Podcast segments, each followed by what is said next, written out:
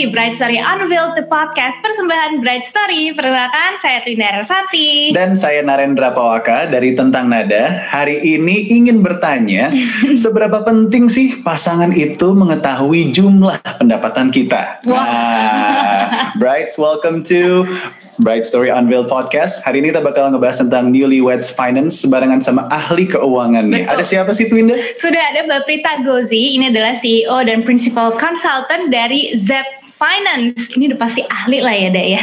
Luar biasa. Apa kabar Mbak Prita? Halo, kabar aku baik. Aduh, alhamdulillah. newlywed ya. Newlywed tapi langsung quarantine ya kan Kan langsung kena corona soalnya kita nih. Yes, jadi everyday feels like honeymoon.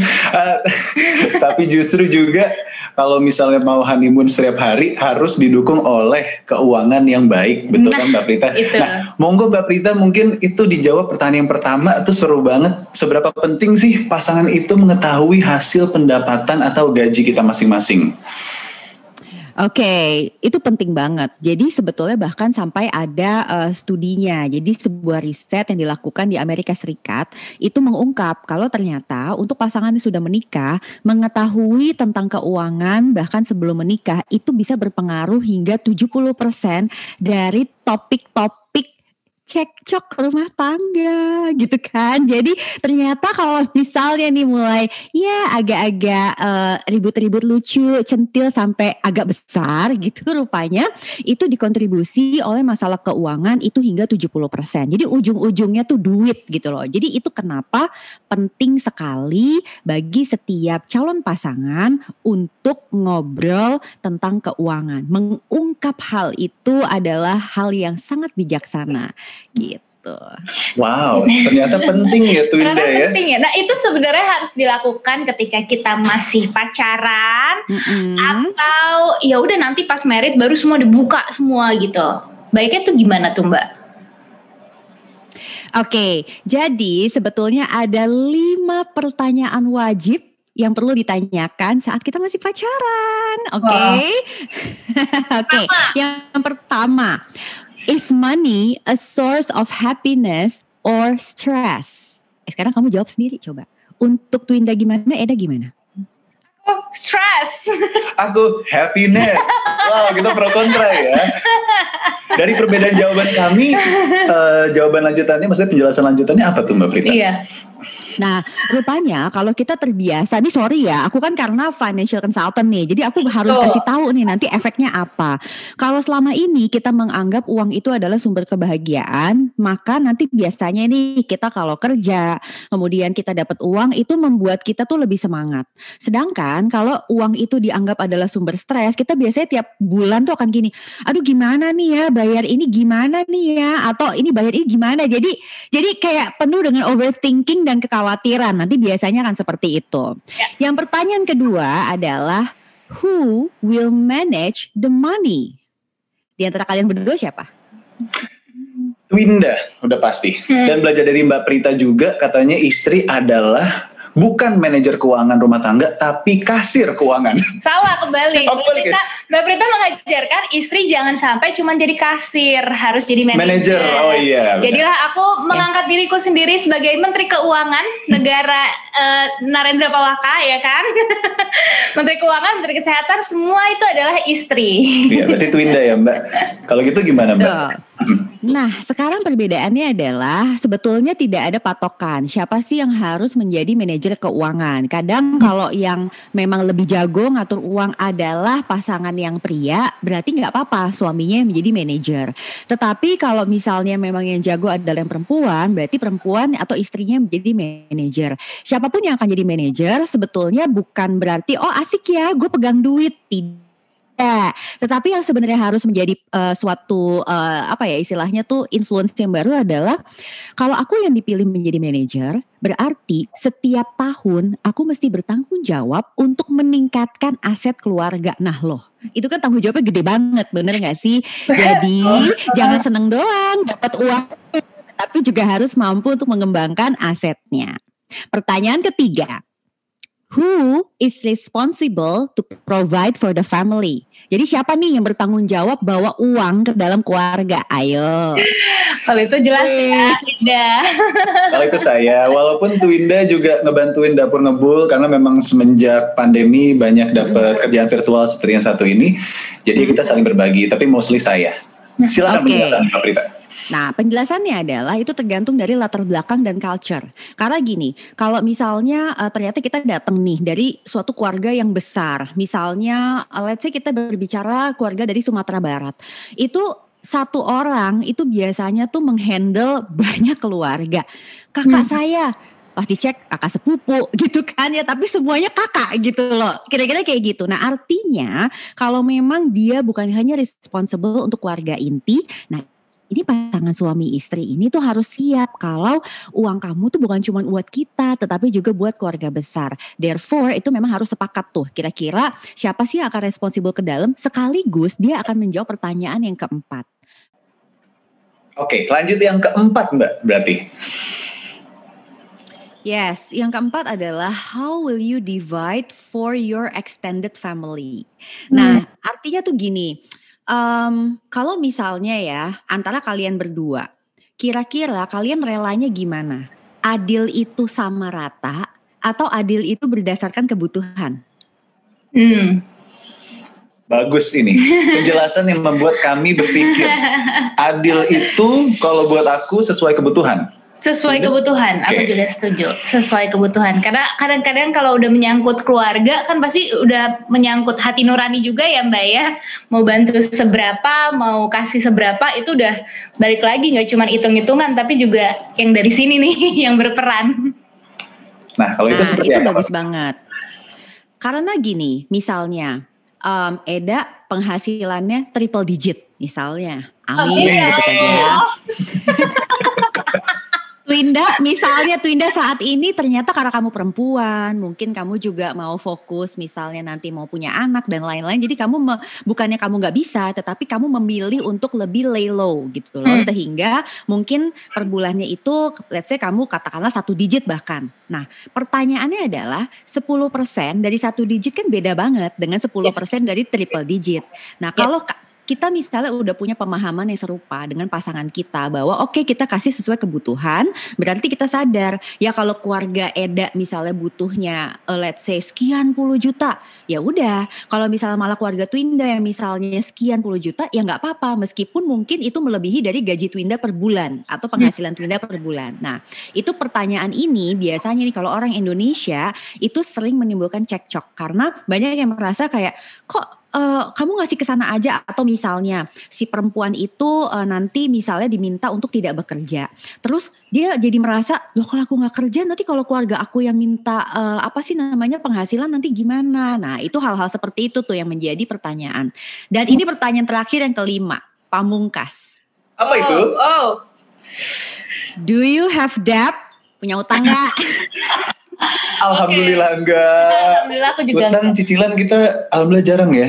Iya jarang. Sampai sekarang mungkin kita tipe tipe pasangan yang tidak menggunakan kartu kredit. Apalagi kan sekarang juga udah bisa pakai uh, kartu debit untuk melakukan pembayaran. Jadi hmm. sampai sekarang sih kita masih belum menggunakan kartu kredit. Mungkin juga nantinya kan kita belum nyicil rumah, belum yeah. KPR apa segala macam. Tentu kan kartu kredit katanya tuh bagus untuk uh, eh, BI checking atau gimana. Nah aku nggak ngerti juga tuh mbak. Tapi sampai sekarang sih kita berusaha untuk jangan sampai terlalu banyak lah cicilan di awal-awal pernikahan. Betul. Nah bedanya apa tuh Mbak antara pasangan yang banyak utangnya sama hmm. yang tidak ada atau jarang? Mm -mm. Oke, okay. kalau misalnya cicilannya itu adalah untuk membeli sebuah aset, kayak misalnya hmm. rumah, berarti kan itu kan dinikmati bersama, bener gak sih? Yeah. Tetapi kalau misalnya utang yang dia bawa itu adalah utang yang sudah lewat, let's say misalnya di keluarga besar itu pernah terjadi suatu musibah, kemudian mereka terpaksa berutang dan menggunakan nama anak ini karena dia dalam usia produktif atau dia punya penghasilan. Berarti sebenarnya nanti dia akan membayar cicilan untuk sesuatu yang sudah terjadi dan bahkan tidak akan dinikmati oleh keluarga kecil ini gitu. Nah ini pertanyaannya adalah kamu rela salah nggak untuk membagi sebagian dari penghasilan si pasangan ini untuk hal-hal seperti itu? Atau bahkan lebih parah lagi, misalnya dia punya banyak sekali uh, utang, kemudian itu dibawa masukkan ke dalam keluarga, kamu siap nggak untuk menghadapi misalnya pada yeah. saat terjadi proses collection dan lain-lain kadang-kadang kan seorang stres juga ya di telepon hmm, itu ada apa tunggakan dan lain-lain. Nah hal-hal seperti itu tuh yang memang sebaiknya dibicarakan. Iya iya iya. Jadi kelima hal tadi adalah hal-hal yang baiknya dibicarakan ketika masih pacaran atau mungkin untuk brides yang lagi mempersiapkan pernikahan sebelum ngomongin wedding planningnya, pesta-pestanya. Lima hal ini dulu yang diomongin. Jangan sampai nanti begitu udah married tiba-tiba eh aku punya utang loh sekian banyak kamu mau nggak bayarin gitu itu kayak rasanya udah di uh, apa ya di diagnosis, langsung harus gitu ya kamu bayar. nah ini ngomongin soal sebelum pernikahan. Iya. Twinda, mm -mm. waktu kita mau persiapan menikah, apakah kamu sudah merasa kalau uang kita cukup nih untuk nikah?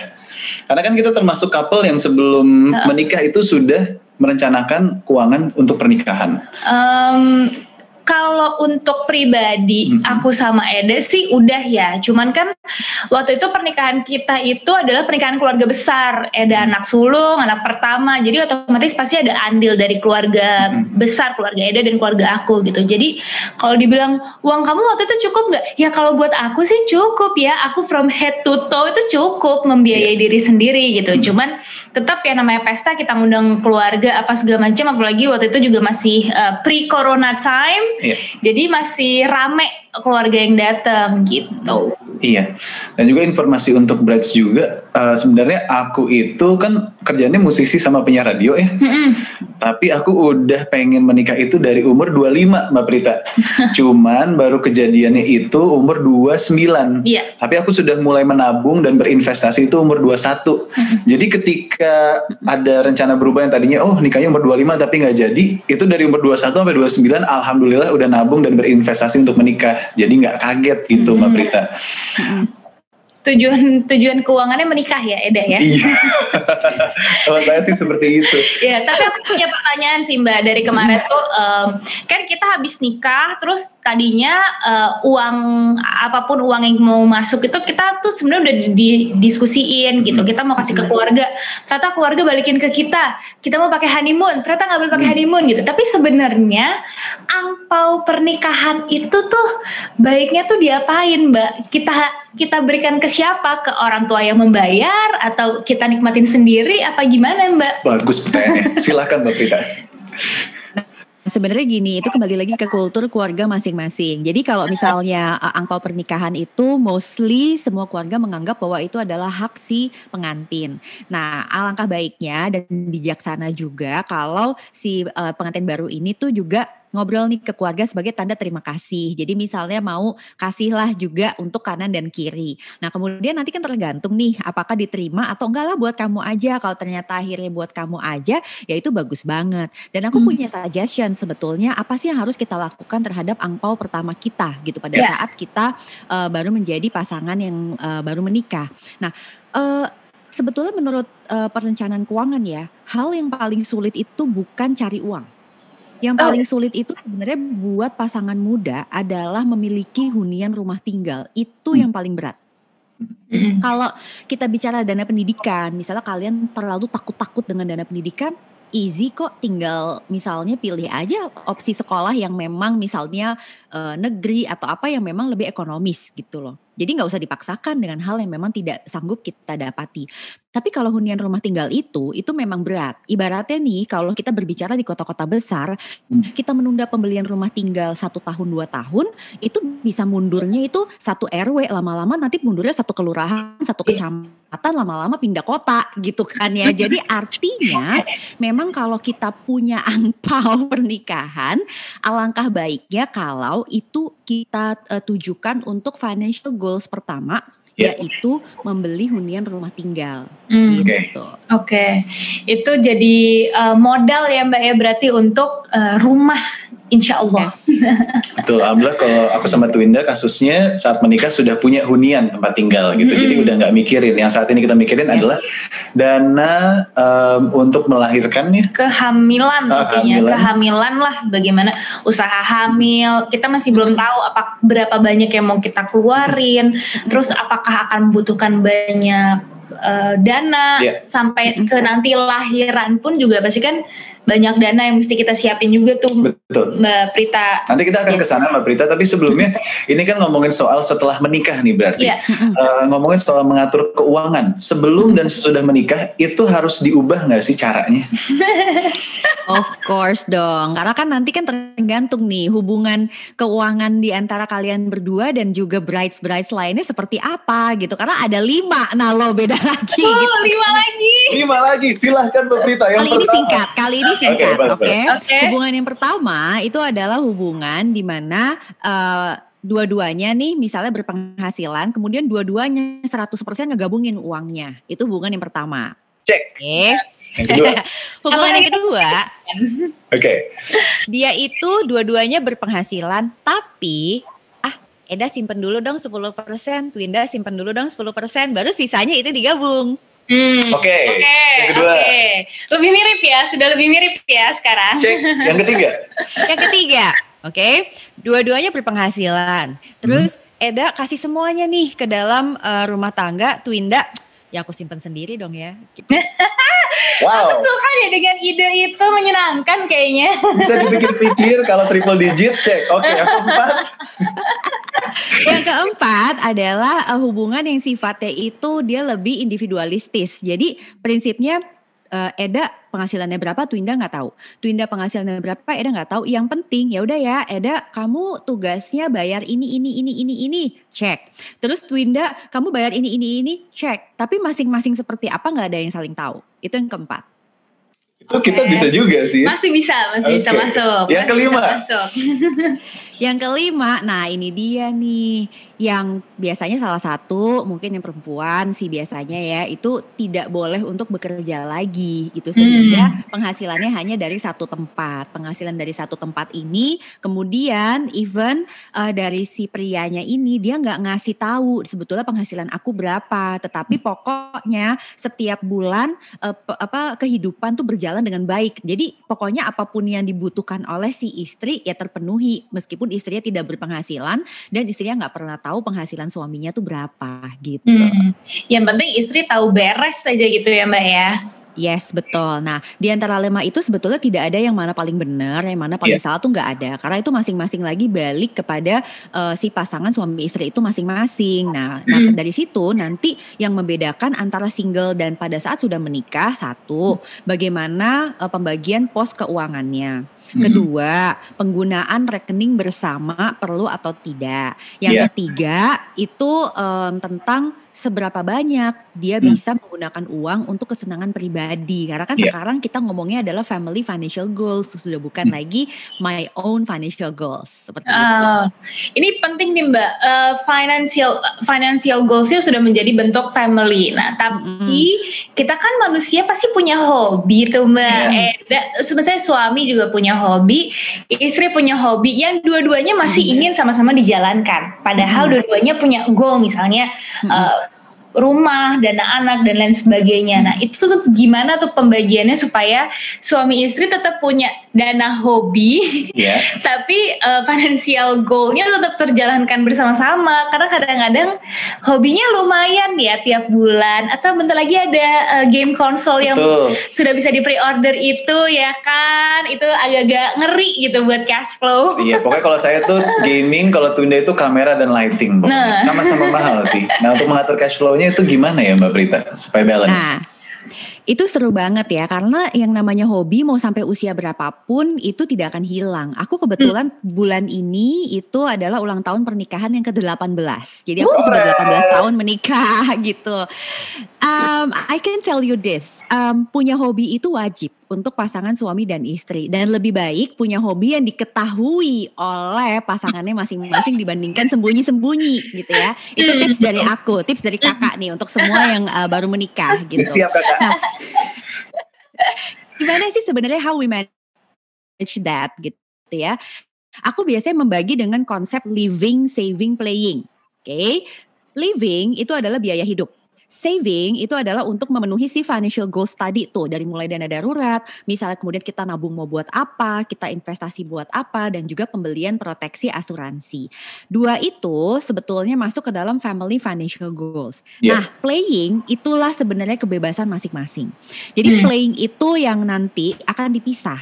Jadi secara cash flow dia akan terpisah rekeningnya dengan living dan juga saving. Jadi Eda punya sendiri, Twinda yeah. punya sendiri. Nggak perlu kita kasih laporan kan sepanjang kita nggak ngambil jatah yang ada di living dan jatah yang ada di saving nggak penting nggak nggak masalah. Jadi Twinda kamu mau beli kamera kayak apa? Soklah atuh gitu ya. Terus Eda mau kata gaming kayak apa? Soklah atuh. Tapi kamu jangan tiap hari gaming mulu. Ntar listriknya naik ambil dia turun dari living account gitu kan. Oh, iya. yes. Jadi you have to understand cara memisahkannya seperti itu. Kalau dibilang persentasenya gimana Mbak Prita? Biasanya untuk yang living itu kita coba kendalikan dengan 50% dari apa pun yang kita hasilkan. Okay. Kemudian untuk yang saving kita akan hmm. coba kendalikan 30% dari apa yang kita hasilkan. Sedangkan okay. untuk playing kita coba 20% dari apa pun yang kita hasilkan. Dari 20% itu sebenarnya kita juga bisa karena percayalah dengan kakak, kalau nanti kita sudah punya anak, pasti kita kepingin belanja-belanja untuk urusan anak. Itu pasti. Jadi boleh ngambil dari playing tadi. Artinya playing 20% itu belum berarti hanya dinikmati oleh kita sendirian. Tetapi oh, iya. itu juga bisa berarti kita membelikan sesuatu untuk orang lain tetapi kita nggak perlu minta izin gitu loh dengan pasangan kita. Jadi misalnya mau beliin anak sesuatu ya kita belinya dari situ. Atau bahkan tiba-tiba Twinda kasih surprise ke Eda yang ngambil dari situ. Oh, oke. Okay. Jadi 50 30 20. Jadi sebenarnya gini, kalau persentase itu berpengaruh terhadap apa pun yang kalian bawa ke dalam si keluarga tersebut. Jadi kalau berbicara seperti itu sebenarnya yang tadi kesepakatan dari si lima hubungan keuangan. Jadi hmm. kalian sepakatnya berapa nih yang masuk ke dalam keluarga itulah yang dibelah-belah menjadi 50 30 dan 20. Nah, sekarang untuk kayak exactly persisnya penting nggak sih? Sebenarnya to be honest with all of you, penting loh kita tahu sebenarnya penghasilan pasangan kita hmm. tuh berapa. Kenapa? Karena nanti ada kaitannya dengan kewajiban kita sebagai warga negara yang baik yaitu perpajakan sebetulnya ke situ yeah, arahnya. Yeah, yeah. Jadi jangan sampai nanti tiba-tiba kita dibilang uh, tidak taat pajak lah atau bisa tiba-tiba nanti muncul ada tagihan-tagihan uh, kurang bayar hanya hmm. karena kita lalai dalam melakukan itu. Jadi sebenarnya arahnya ke situ. Nah, yeah. khusus untuk freelancer ada baiknya kita juga punya yang namanya rekening bersama. Karena dengan adanya rekening bersama itu lebih memudahkan. Karena gini, logikanya ya, kalau freelancer itu kan mungkin jobnya lancar terus. Pertanyaannya, invoice-nya cair nggak? Gitu itu dua hal berbeda gitu kan. Nah, sekarang kalau misalnya kita berbicara tentang kecairannya, berarti kan nanti hubungannya adalah ke pengeluarannya. Hmm. Bagi freelancer penting banget sebetulnya punya rekening bersama untuk yeah. beberapa pos supaya ya udahlah siapa duluan nih yang invoice cair, kemudian dia akan masuk. Jadi di situ nggak terlalu dipatok kayak oh iya harus ada sekian, uh, Twinda sekian enggak. Tetapi yang penting yeah. untuk kehidupan bulanan itu tetap lancar. Hmm. Itu ada baiknya pakai rekening bersama yeah. itu uh, bagus juga. Oh, oke. Okay. Oke, okay, berarti penting untuk memiliki tabungan bersama juga dan penting untuk mengkomunikasikan jumlah pendapatan dan juga invoice. Hmm. Kalau yang dari tadi kita ngobrol, nah. berarti itu uang suami adalah uang istri, uang istri uang istri, tapi ketika udah punya anak, uang istri kemungkinan jadi punya anak gitu ya. Tapi Mbak Prita thank you untuk LSP-nya itu living terus saving, saving. sama playing 50 30 20 itu yeah. bagus banget. Oke, okay.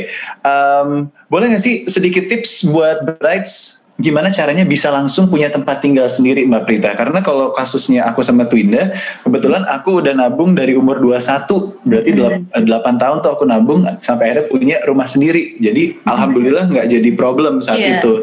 Cuman mungkin brides bertanya-tanya gimana sih tips bisa langsung punya tempat tinggal sendiri? Oke, okay. ya. jadi aku uh, sekaligus juga mau menyemangati nih semua brides di sini. Artinya nggak harus kok kalian sudah punya privilege bahwa uh, kamu juga baru bisa punya hunian ya. Karena aku sendiri ya. bisa bilang I'm starting from zero gitu. Aku dan suami ya. aku. Jadi pada saat kita menikah dulu, caranya adalah ya tadi semua uang yang kalian punya itu kalian fokuskan untuk uang mukanya dulu. Okay? Hmm. Nah, kemudian tahap kedua adalah kita mesti paham kita tuh sebenarnya punya kemampuan finansial berapa untuk membeli rumah tinggal. Aku kasih tahu patokannya secara finansial. Kita mampu beli rumah tinggal seharga lima kali penghasilan setahun. Misal penghasilan setahun kita 100 juta, yeah. kali 5 berarti huniannya mampu kita beli adalah 500 juta, itu mampu. Oke. Okay. kalau mau maksa 1 M juga bisa, mau maksa. Tapi ini kan kita ngomong yang ideal gitu ya. Iya, yeah, realistis ideal. ya. Yes, realistik. Akhirnya dengan realistis itu kita mulai mengkerucutkan saat kita cari tanah atau cari rumah. Yeah. Hmm. Ibarat nih, seorang Prita Gozi waktu dulu pertama kali nikah ya pengennya sih punya rumah gedong di Pondok Indah ya kak. Tapi ya pas lihat uh, saldo tabungan nggak mungkin kak gitu loh. Jadi akhirnya ya udahlah kita cari di Jakarta Selatan tetapi yang mungkin luasnya bisa seperti itu tetapi ya memang lokasinya tidak di situ yang memang sesuai dengan kemampuan finansial kami. Nah kemudian setelah itu kita kan pasti mencicil. Cicilan itu patokannya adalah 30% dari penghasilan penghasilan kita tiap bulan. Oke. Okay. Oke. Okay. Oke. Okay. Dengan begitu, kita tuh uh, akan membuat penghasilan kita itu dimampukan untuk membayar cicilan tersebut. Oke. Okay? Nah, yeah. sekarang ini triknya nih, triknya. Pada saat penghasilan kita meningkat, kamu jangan cuma nyicil yang sama. Kamu mesti bayar lebih cepat tuh untuk pelunasan. Oke, jadi bayar pokoknya aja langsung ditambahin ya Mbak ya biar cepat-cepat lunas. Mungkin tadinya 10 tahun harus nyicil hmm. jadi bisa lebih cepat daripada uh, 10 tahun itu ya. Hidup top Benar. yes, exactly. Yeah. Karena kalau kita hanya berfokus pada yang penting punya hunian, terus nyicilnya hmm. lama 20 tahun, 30 tahun, itu akan membuat kita sulit dalam menata keuangan. Percaya sama Prita, kalau kita sudah lunas untuk cicilan rumah, tiba-tiba akan sangat mudah untuk kita menyiapkan dana pendidikan anak, dana liburan, dana hmm. pensiun dan lain-lain. Jadi fokusnya adalah satu setelah kita mampu untuk beli huniannya dengan cara mungkin pinjaman. Yang kedua, percepat supaya bisa cepat lunas. Itu aja triknya. Oh oke. Okay. Nah tapi mbak ngomongin hunian itu kayaknya udah menjadi top priority uh, para pasangan gitu ya. Habis nikah mereka target utama adalah punya rumah gitu. Nah, tapi sebenarnya Mbak Prita berdasarkan uh, perencanaan keuangan, ketika seseorang menikah, skala prioritasnya tuh apa aja sih Mbak yang harus kita breakdown tujuan-tujuan uh, financial goalsnya gitu? Bagus pertanyaan. Okay. Silakan Mbak Prita. Karena Pak ini berguna banget ya buat kita iya. semua kan. yang paling utama adalah kita mesti ngerti kebutuhan masa kini apa, kebutuhan masa depan itu apa. Contoh, okay orang kan menikah usianya beda-beda. Ada yang menikah usianya 25, ada yang 30, ada yang 35 dan seterusnya. Otomatis nanti uh, kebutuhannya itu akan juga berbeda. Contoh aja, kalian misalnya menikah di usia let's say Eda 29. Yeah. Kemudian misalnya diberikan keturunan let's say di usia 30 atau 31. Artinya fokus kalian itu harus untuk dana pendidikan anak. Ya, Tapi okay. untuk pasangan lain yang memang mungkin belum punya anak dan kemudian belum punya hunian, berarti itu duluan. Jadi bisa jadi nih kalau dia itu udah punya anak duluan, misalnya setelah menikah terus langsung hamil gitu kan, ya, ya berarti huniannya jadi agak terpaksa ke belakang karena okay. ya anaknya udah di kandungan gitu loh. Hmm. Nah kalau kita urutin sebenarnya uh, yang harus dipenuhi itu ada beberapa hal. Satu dana darurat itu penting yeah. sekali. Jangan sampai kalian nabung atau investasi nih para brides baru nih tanpa punya dana darurat. Kedua, kita mesti punya hunian.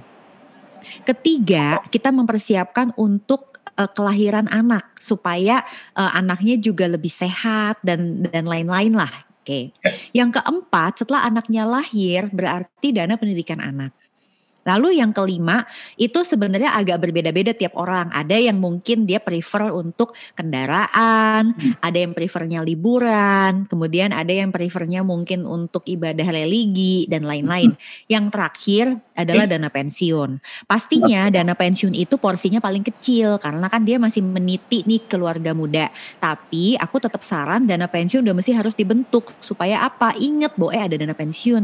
Jadi nanti kalau misal tiba-tiba dapat jackpot nih investasinya misalnya cuan banget atau misalnya tiba-tiba dapat project yang gede, kita tuh jadi tidak apa ya tidak kaget gitu. Kita ngerti bahwa eh itu masih ada yang belum selesai tuh istilahnya financial goals kita. Jadi kira-kira itulah urutannya Oke, supaya menjaga juga keuangan uh, keluarganya nggak boncos ya Mbak ya. Kadang-kadang kan Bener. apalagi freelance gitu, kadang-kadang invoice cair barengan, dedet wah nilainya tinggi. Oke, kita liburan. Kadang-kadang suka gitu tuh Mbak. Padahal ternyata PR-PR keuangannya ini masih ngantri ini ada dana darurat, yeah. rumah anak, pensiun dan lain sebagainya. Iya. Berarti lima hal tadi bisa diulangi tuh Windows supaya ingat lagi ayo Aduh, apa dana skala darurat, prioritas. Dana darurat dulu, uh, kemudian hunian tinggal, yeah. kemudian dana anak, uh, pendidikan anak, Habis itu ada uh, sebelum pendidikan lahiran dulu. Iya. Uh-uh. Nih apa uh, lahiran, hmm. dana pendidikan dan dana pensiun. Yeah. Itu adalah lima prioritas yang Bright harus tahu ketika mau membangun rumah tangga. Asik. Supaya tidak terjadi pemborosan. Betul. Itu gimana Mbak Prita? Oke, supaya tidak terjadi pemborosan, maka kita mesti mengenali diri kita sendiri, cie, gitu kan? Know yourself. Aku baru gimana ya? Okay. itu namanya money personality. Jadi okay. orang itu ya, kenapa ada yang lebih boros, ada yang lebih hemat? Itu karena dia comes with different personality. Hmm. Untuk bisa tahu money personality, you need to create money diary.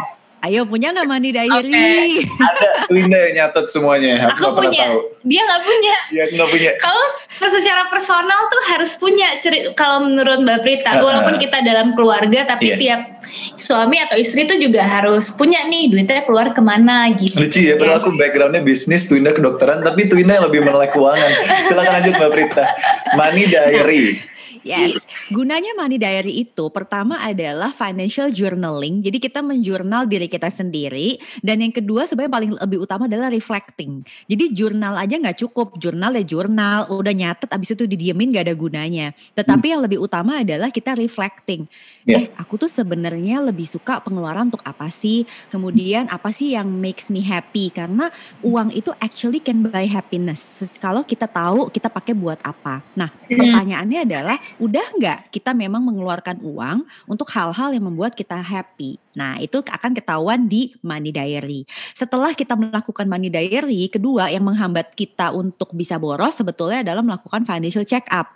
Karena itu kayak kita tuh dibangunin gitu ya, dibangunin bahwa kok dari tahun ke tahun aset aku segini-segini aja ya, gitu kan yeah. rasanya sayang. Jadi dengan begitu kita jadi terpicu nih untuk mengumpulkan. Karena kita sadar kalau hidup kita tuh bukan cuma untuk hari ini, tetapi yeah. juga untuk masa depan dan kita hmm. tidak ingin anak kita kelak menjadi generasi sandwich. Hmm, Baru yeah. terakhir kita bikin si uh, new budgeting tadi itu. Hmm. Budgetingnya sih sebenarnya pakai konsep yang LSP tadi, living, yeah. saving, playing. Nah, tapi okay. kalau kita nggak tahu kita selama ini gimana cara ngeluarin uang, maka percuma living, saving, playing itu juga nggak akan jalan. Percaya sama aku. Hmm, oke. Okay. Jadi silahkan yang habis ini kamu bikin. Dan aku mau ngingetin bahwa nyatet itu nggak kayak zaman dulu ya yang harus wah oh, ada buku kas gitu enggak. Yeah. Zaman now everything goes digital. So kita sebenarnya dengan konsep living, saving, playing tadi, kalau aku aku juga nggak pernah tuh nyatet begini tuh enggak. Aku hanya pakai oke okay, every month aku taruh nih living, saving, playing. Aku lihat aja. Aku tinggal mut, uh, download mutasi aja. Nanti ketahuan mm -hmm. di situ sebenarnya memang benar nggak ya pengeluaran aku untuk hal-hal seperti ini. Jadi kalau aku bahkan udah membagi rekening aku aku tuh nggak cuma tiga, tetapi hmm. tujuh. Wow. Tujuh rekening berbeda. Oke. Okay. Aku aku baru tiga. Kita? Tiga, tiga, tapi ya satu ada yang bisa beranak-beranak pinak gitulah mbak. Oke, okay. uh, ini terakhir mbak Prita sebelum kita ke kesimpulan dari obrolan hari ini. Um, ini kan masuk ke tahun 2021 kita masih belum tahu nih pandemi sampai kapan. Nah saran untuk newlywed saat ini apa sih yang harus dilakukan Mbak Prita? Oke, okay, ini very yeah. good question. Yes. Karena um, kalian gimana ya? Maksudnya gini, setiap pasangan suami istri baru ini, bagaimana dia mengambil keputusan financial itu akan sangat mempengaruhi hidupnya dia bahkan bukan cuma tahun depan, tetapi Betul. 10 tahun atau bahkan 20 tahun lagi. Iya. Oke. Okay? Number one, you have to build your good money habit. Oke, okay? okay. habit yang perlu dibangun untuk pasangan baru sebenarnya ada dua. Yang satu adalah konsep delayed gratification. Mm-hmm. Yang satunya lagi value over price. Apa maksudnya? Delayed gratification artinya kalau kita mungkin mau menahan diri sedikit aja, kita akan bisa rewarded double atau bahkan triple. Nahan diri dikit aja. Oke. Okay. Kalau konsep value over price artinya kita tidak mudah tergoda dengan harga murah. Hmm. hmm. Hmm. Oh, sindiran keras ke aku. Oke, itu dua. Ini ada quotes-nya. Ini ada quotes-nya. Oh, yeah. Price is what you pay, value is what you get. Hmm. Nice. Oke, okay. habis ini kamera yang beneran ya yang lo. Iya, yang beneran, nggak usah yang murah. Oke. Okay. Nah, kalau, kalau dua dua habit ini udah dimiliki, maka it's gonna be easier untuk kita masuk ke tahap berikutnya. Tips hmm. yang kedua adalah yeah. create your own financial plan, tapi jangan banyak-banyak. Kalau kita banyak mau, kita tuh pusing. Bayangin yeah. otak manusia aja udah terbelah nih setiap hari untuk berbagai hal. So Betul. kita jangan greedy. Jadi kita hmm. cukup punya tiga financial goals saja menjadi prioritas kita. Jangka pendek, menengah, dan panjang. That's it. Ya tiap orang beda-beda. Let's say misalnya untuk keluarga Eda berarti hmm. mungkin dana darurat, dana anak, terus dana pensiun misalnya. Karena yeah. kalian udah punya rumah. Tetapi mungkin untuk brides yang lain itu tuh beda lagi. Okay. Nah kalau kalian punya good money habit yang tadi aku bilang, pasti hmm. kalian bisa ngejalanin si financial plan tersebut. Hmm. Terus tips yang ketiga, untuk bisa lebih um, disiplin menjalankan itu, you need to create three separate accounts. Itu udah wajib. Jadi okay. bukan cuman di atas kertas pos-pos mm-hmm. pengeluarannya dipisah, tetapi yeah. memang actual digital account-nya tuh harus dipisah. Hmm. Okay. You can do that, percayalah itu akan terjadi. Dan tips yang terakhir adalah start small but start now. Gak usah terlalu banyak mikir lah atau merasa tertekan. Aduh semua orang kok kayaknya pada invest di saham ya. Gue enggak. Aduh gue gimana? Biarin aja, tiap orang tuh beda-beda. Yang yeah. penting you need to invest. Understand apa yang kita ngerti. Jadi kita hanya beli apa yang kita pahami aja. Gak usah langsung uangnya ditaruh puluhan juta atau ratusan juta. Cukup mungkin hanya berapa ratus ribu tetapi kita konsisten. Itu adalah hmm. tips aku untuk pasangan muda memasuki 2021.